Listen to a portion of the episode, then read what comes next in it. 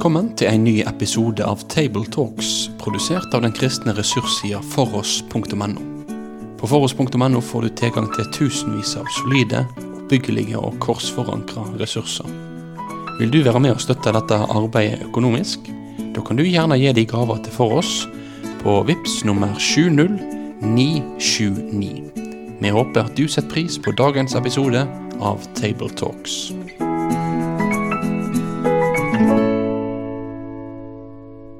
Da ønsker vi dere igjen velkommen til Table Talks fra oss her i Kristiansand. Eh, og i studio i dag så sitter igjen eh, Bjørn Hinderaker fra NLA-skolen i Kristiansand. God Hjemdal. Mikael Brun. Hjertelig velkommen. Og eh, dagens eh, tekst er en spennende tekst i eh, Johannesevangeliet kapittel 4. Eh, og for veldig mange av dere vil det være en svært eh, velkjent tekst. Eh, men det er en tekst med masse skatter som vi ikke blir ferdig med å snakke om. Så eh, vi vil begynne med å lese denne søndagens tekst fra eh, Johannes kapittel 4, fra vers 4 til vers 26. Og vi ber Mik Mikael igjen om å lese for oss. Ja, og vi leser i Jesu navn. Han måtte da reise gjennom Samaria. Han kom da til en by i Samaria som heter Sykar. Den ligger i nærheten av det jordstykket Jakob ga sin sønn Josef. Der var Jakobs brønn. Jesus var trett etter vandringen og satt nå der ved brønnen. Det var omkring den sjette time. Da kommer en kvinne fra Samaria for å dra opp vann. Jesus sier til henne, Gi meg å drikke. Disiplene hans var gått inn i byen for å kjøpe mat. Den samaritanske kvinnen sier til ham, Hvordan kan du som er jøde be meg, en samaritansk kvinne, om å få drikke? Jøder har nemlig ikke omgang med samaritanerne. Jesus svarte og sa til henne, Kjente du Guds gave, og visste du hvem det er som sier til deg, Gi meg å drikke, så hadde du bedt ham, og han ville gi deg levende vann. Kvinnen sier til ham, Herre, du har ikke noe å dra opp vann med, og brønnen er dyp. Hvor har du da det levende vannet fra? Du er da vel ikke større enn vår far Jakob, som ga oss brønnen, og selv drakk av den, og likeså hans sønner og buskapen hans. Jesus svarte og sa til henne, Hver den som drikker av dette vannet, blir tørst igjen. Men den som drikker av det vannet jeg vil gi ham, skal aldri i evighet tørste. Men det vannet jeg vil gi ham, blir i ham en kilde med vann som veller frem til evig liv.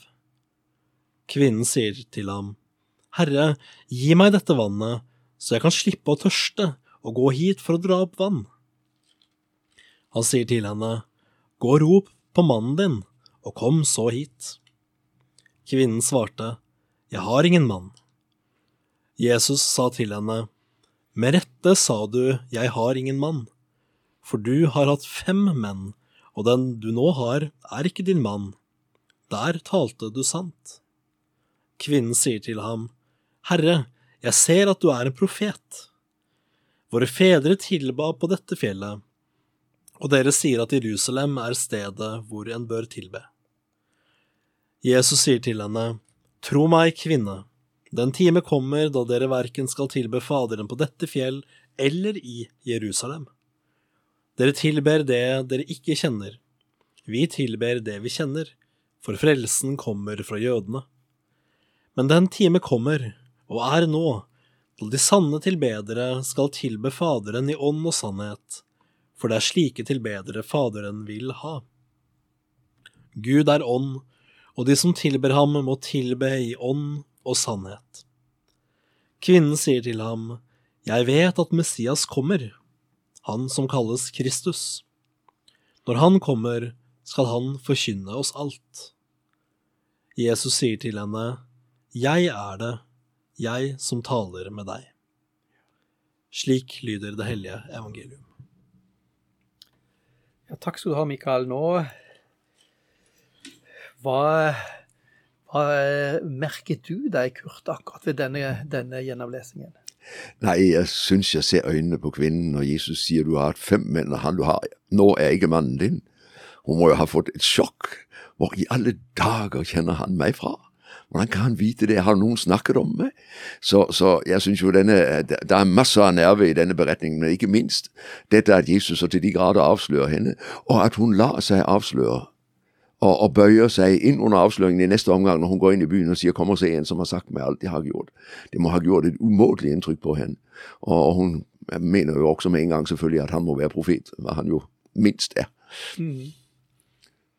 Ja, det, det, er ganske interessant å se hvordan denne teksten godt speiler en sånn uh, ånd, utvikling av en åndelig, åndelig, forståelse hos denne kvinnen.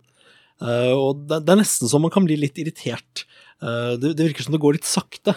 Men så tenker jeg jo at ja, det har gått sakte med meg også i løpet av mitt, liv på mange ting, så det skal man ikke holde, holde imot noen. men når Jesus begynner å snakke om dette levende vann, så snakker, sier hun ja, men gi meg dette vannet, så jeg slipper å gå til brønnen og hente, hente vann selv. Og så, og så videre. Sånn, ja, jeg ser at du er en profet. Og så går hun videre til å snakke om at jo, jo, men eh, vi venter jo på Messias. Selv, selv når hun snakker om det, så virker det ikke som hun helt har forstått egentlig hvem dette er. Sånn at Jesus må si det direkte. Det er jeg. Og det er jo utrolig spennende at Jesus åpenbarer seg for denne kvinnen. Jeg tenker på to ganger Johannes evangeliet. Denne kvinnen som har fem menn, og han, hun har nå ikke hennes. Og så den blindfødte i kapittel ni. Eh, folk helt sosialt på bunnen i samfunnet som ikke betyr noe. Der åpenbarer han seg. Mens de som betyr noe, de er blinde, og de forblir blinde.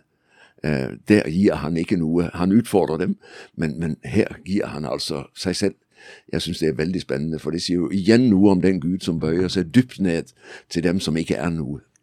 Og dette er jo så i god tråd med det Jesus sier et annet sted, om at han er kommet for å kalle syndere til omvendelse.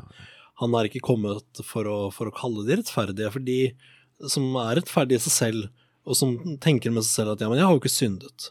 Eh, hva, hva skal vel de med evangeliet, hva skal vel de med, med Jesus? Mm.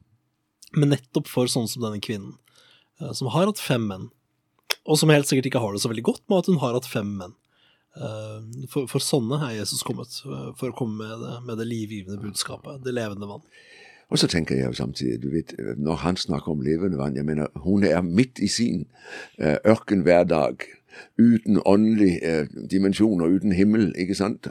veldig opptatt med det nærliggende, og så plutselig står det en og begynner å snakke om hva, hva, hva i alle dager mener han? Så jeg syns jo samtidig det er jo fantastisk at hun på den korte tiden plutselig skjønner au, vi er der.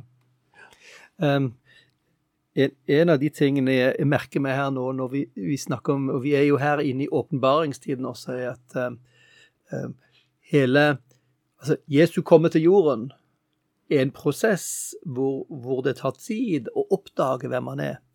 Og det ser jo ikke ut som disiplene engang har forstått det. sant? Det må, jo, det må, jo, til Jesu død, som de ikke hadde forventet. Oppstandelsen hadde de i hvert fall ikke forventet. Og så kommer pinsedag. Da penny drops. Det er ting som faller på plass, som de forstår. Hvem er han? Jo, han er Herre. sant? Han er ikke bare Messias, men han er også Herre, som er liksom Guds navnet i Gamle Testamentet som Jesus tillegges. Så, så det at vi er på vei. Sant? Det er en lang prosess for oss alle å lære å kjenne den levende Gud og lære å kjenne Jesus. Og, og ikke minst også fordi at her var det så uventet, og du møter et konkret menneske som, som tråkker rundt i sandaler sant? og tenker at det, her er det den levende Gud. For det, det er nesten en umulig tanke. Så her er at, at Jesus bruker en samtale på noen minutter som ser ut til å være en sein prosess, ikke sant? men han må bruke tre år med disiplene, og de fanger det ikke opp. De tenker, jo, de tenker jo at han er Messias, men at han er mye mer, det var vanskelig å ta. Så, så um, Jesus åpenbarer seg selv, og det ønsker han jo også å gjøre for oss. at vi, vi trenger å lære mer om han, for da så syns jeg det er så spennende. For det første at han bryter så til de grader med det som er god kutyme. Han går over noen grenser som jøder vanligvis aldri ville gjøre. Ikke bare han snakker med en samaritaner, som han jo ikke snakker med, men til alt overmål en samaritansk kvinne. Det er jo helt umulig at han våger det. Og så at han greier gjennom en enkel setning å vekke hennes interesse i den grad at det stopper ikke før hun har fått det levende vannet. Mm. Jeg syns jo det er veldig spennende, den enkle teknikken, men han greier altså i løpet av noen ganske få setninger å ha vakt hennes nysgjerrighet i den grad at dermed så er prosessen i gang frem til det øyeblikk da hun plutselig skjønner hvem han er. ikke sant? Men, men um, en av de sentrale ordene er jo er dette med samaritanere. så vi, vi, kan ikke forvente at våre tilhørere i dag vet hva dette her var for noe, men, men um, uh, hva er en samaritaner? Vil du begynne å si noe om det, Mikael? Så kan du føye på noe, Kurt. Hmm? Ja, det, dette går tilbake til um, skillet mellom Nord- og Sørriket i, um, i Israel. Hvor, Som er tilbake i Det gamle testamentet? I, i, tilbake i Det gamle testamentet. Sant? Og nå, nå, kan det være at Kurt må hjelpe meg litt etter hvert, men Nordriket, slik jeg har forstått det, besto vel stort sett av de som eh, Mange av de som ble igjen etter at eh, de hadde vært i Babylon. Ja, nei. Nordriket det er, de går under allerede i 722. Det er bare 200 år etter Salomos død. Og, og blir bortført til, til Asyria. De, de, ti stammene forsvinner jo i, historiens mørke. Det er klart det er noen igjen. Noen forsvinner ned til Sørriket, de flykter dit. Men ellers så bortføres de. Og så fører asyrkongen inn, det er hans strategi for å beholde makten, ikke sant. Så fører han inn folk fra forskjellige deler av sitt rike og bosetter dem. Så samaritanerne er en blandingsbefolkning. Noen jøder og noen absolutt ikke jøder, altså hetninger, som man snakker om i, i Skriften. ikke sant? Mm. Eh, og, og, og de, det er denne befolkningen eh, som får de fem Mosebøkene, for det er veldig interessant. Samaritanerne finnes den dag i dag. Og de har de fem Mosebøker, men resten av Det gamle testamentet har de ikke vil de ikke vite av. Der blir et skisma en gang et par uh, hundre år før Kristus mellom disse, hvor uh, man vil bygge tempel på Garisim, altså på samaritanernes fjell, det som i dag, uh, oppe ved, syk, ved Sikhem, midt i Samaria. Og, og, og, dette blir jo jødene rasende på, for tempelet skal ligge i Jerusalem. Så her har man rett og slett krig mellom disse to folkegruppene, og det gjør jo at samaritanerne betraktes som halvhetninger de er ikke regnet med. Ja.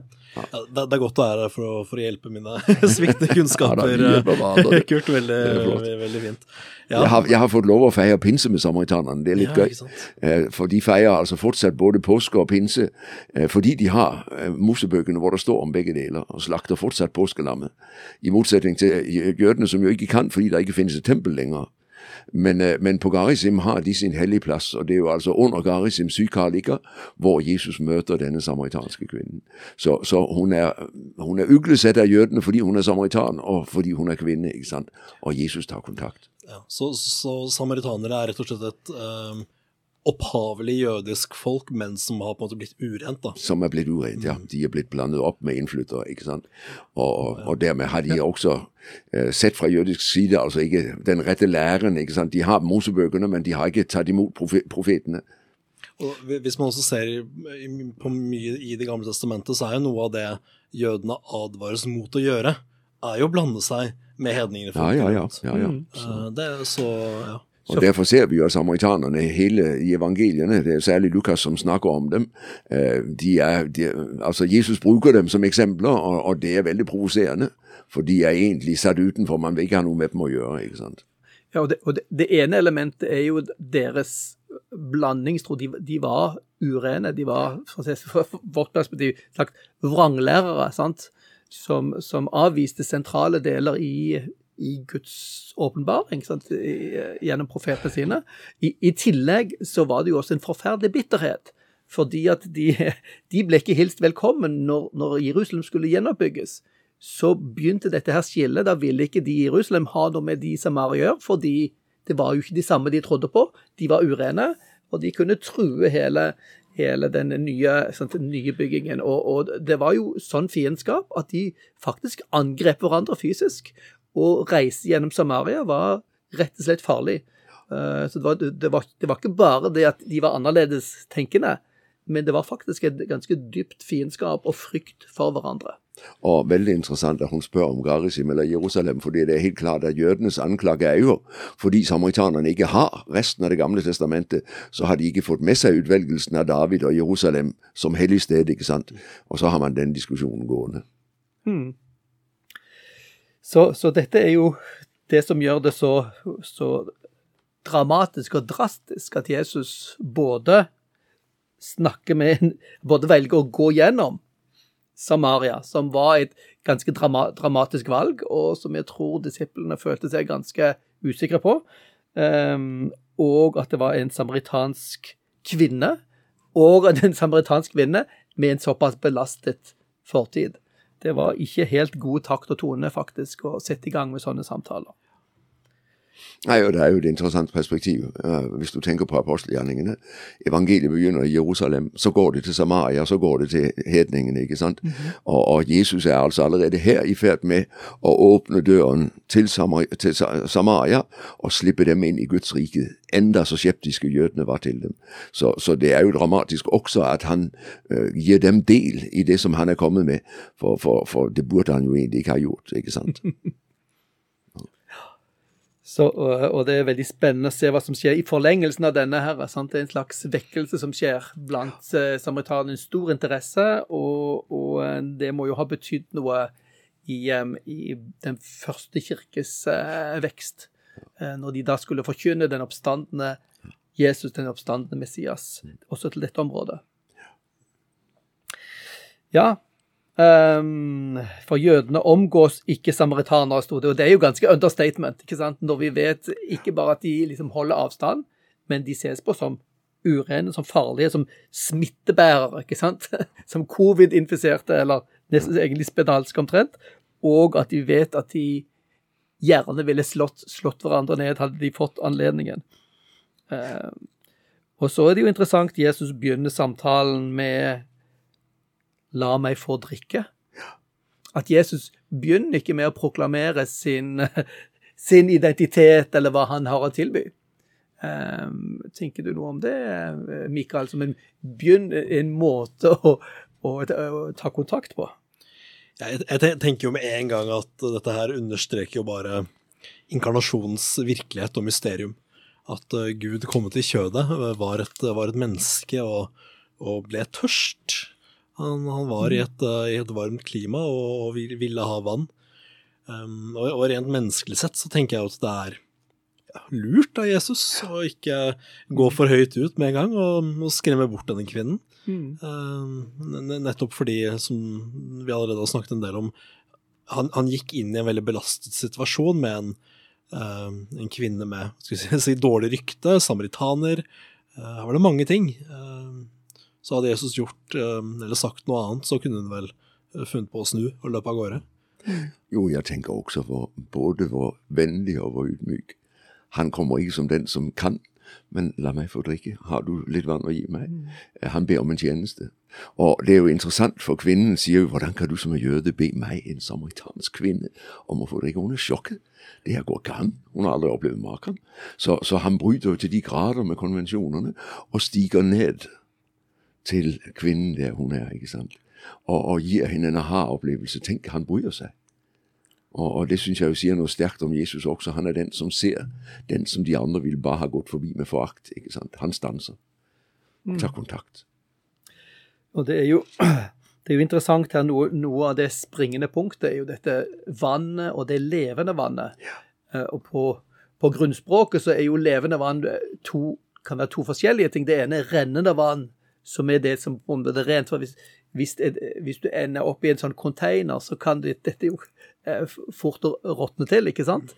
Så, så, rennende og levende vann er jo assosiasjoner som man har, men her er, er levende vann også noe som helt tydelig er noe mer, som gir liv. Sånn, det, det landet som gir liv.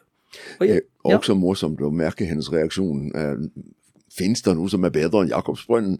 Eh, den uh, stoltheten på stedets vegne. ikke sant? Vi har det flotteste vannet, for vi har, vi har vann som Jakob han drakk av. Denne brønnen er hans brønn, og, og noe, noe, større enn det finnes vel ikke.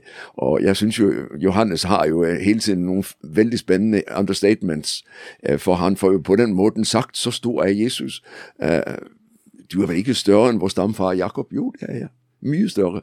Og, og, det er jo det hun da oppdager underveis. ikke sant? Men for henne, i utgangspunktet, så er den gamle pakt og Jakob det er det største som kan tenkes.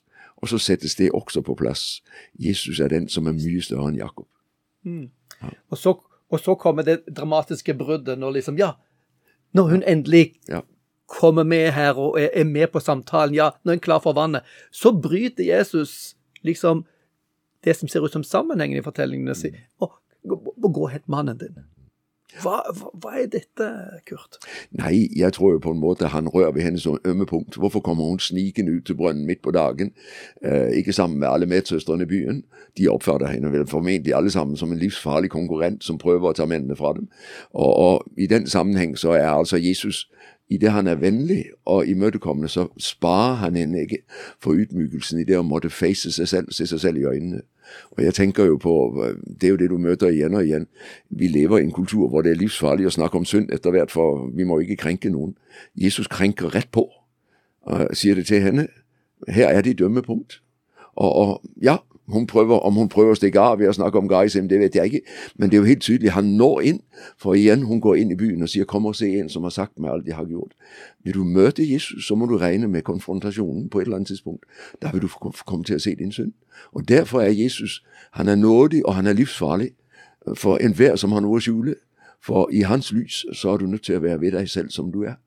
Men så er det jo også livets frihet. Jeg slipper å gjemme meg, for jeg har møtt en som er i stand til ikke bare å avsløre meg, men å tilgi meg. Og det er jo det hun opplever. Det er jo et veldig evangelium i, denne teksten. Ved at eh, en, en kvinne som har gjort så mye så, si, så mange sedelighetssynder at hun må gå alene til brønnen fordi ingen andre vil være rundt henne, til en sånn som henne tilbys livets vann. Eh, til en sånn som henne tilbyr Jesus eh, sin nåde, men, men også seg selv. Det, det er ganske stort, og det er noe vi absolutt kan ta med oss. Eh, Det, det tror jeg er en en tanke mange av oss mennesker kan ha, ha med, med seg. At vi Ja, men mine synder er jo så store, og hvordan skal Jesus kunne tilgi meg? Enhver, en som sliter med selvforakt, enhver som sliter med fortiden, enhver som bærer med seg noe i bagasjen som gjør at du har liten frimodighet, og vet at du kan ikke bli en kristen som du er. Den samaritanske kvinnen sier uansett, kom, han tar imot deg. Han avviser deg ikke. Og det er jo et utrolig evangelium. Her er en som altså vet og ser og elsker. Og møter deg med nåde og barmhjertighet, ikke fordømmelse. Det er jo helt utrolig. Tenk, jeg skal få lov å vite. Her kan jeg være meg selv og være fri.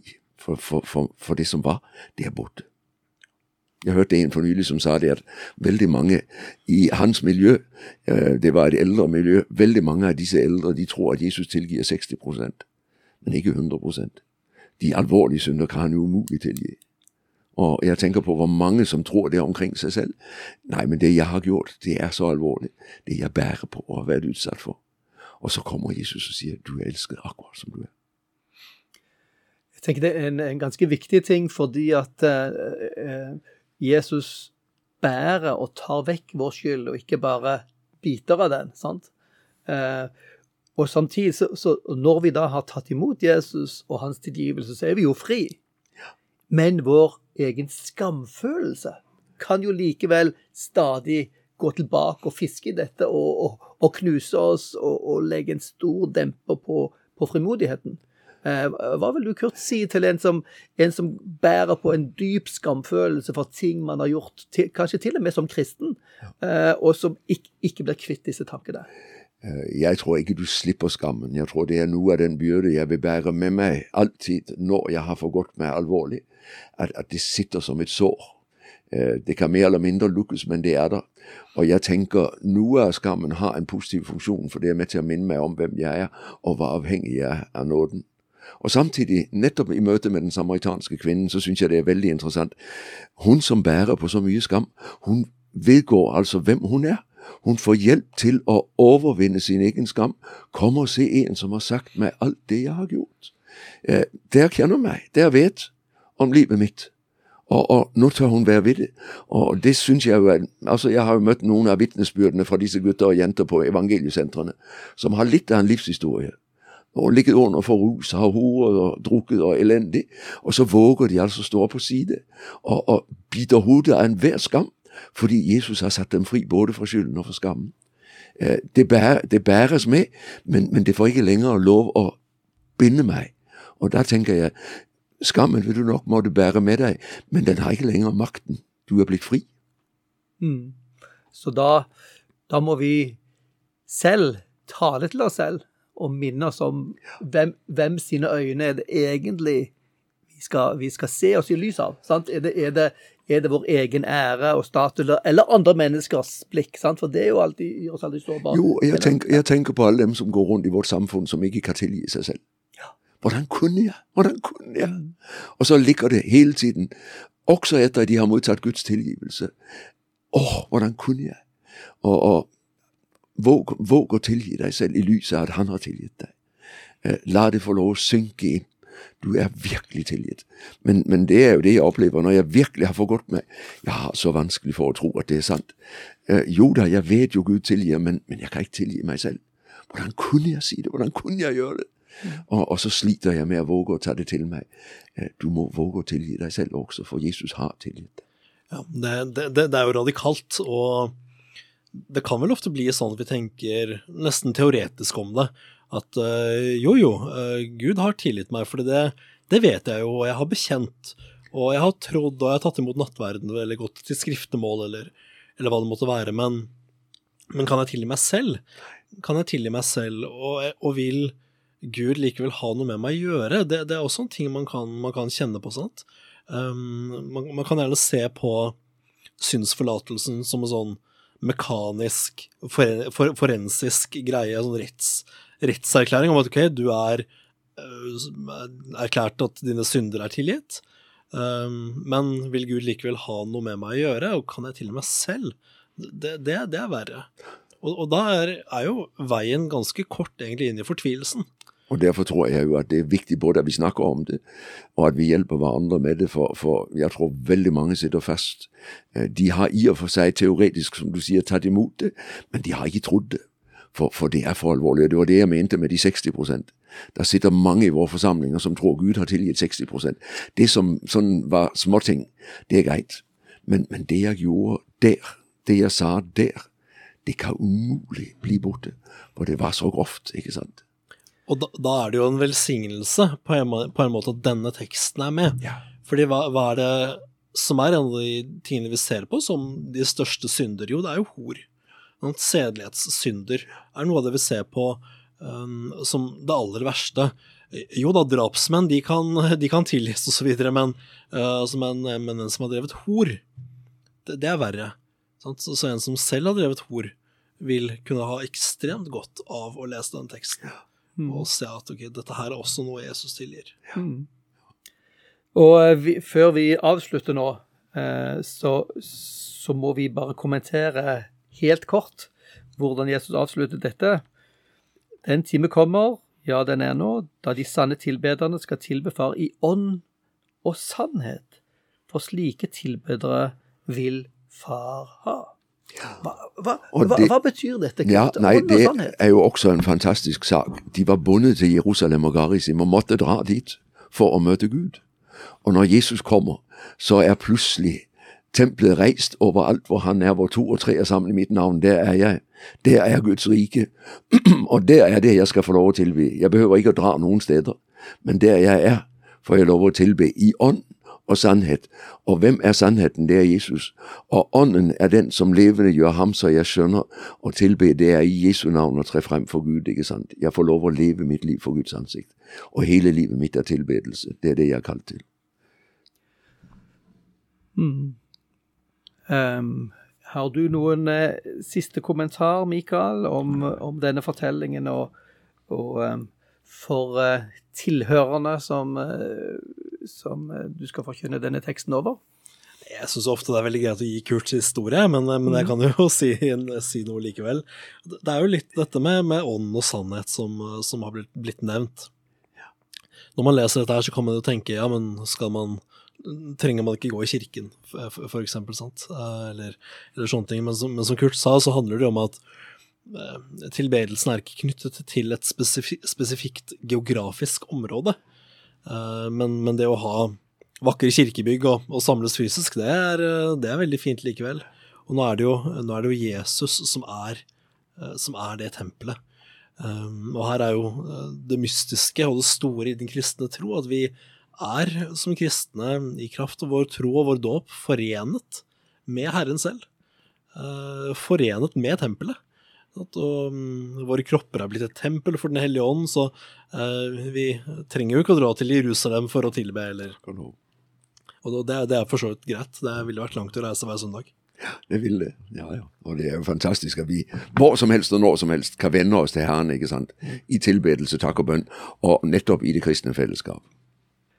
Takk for det. Så sier vi takk fra Kristiansand, Table Talks, denne gangen. Da vil vi si takk for at du valgte å få med deg denne episoden av Table Talks, produsert av den kristne ressurssida foross.no. Driftinga og utviklinga av nettsida vår den er avhengig av gode og trufaste støttespillere. Vil du gi ei gave til dette arbeidet? Da kan du gi den via VIPS nummer 70929, eller så kan du besøke foross.no for mer informasjon om å kunne bli en fast giver. Ha en god dag videre.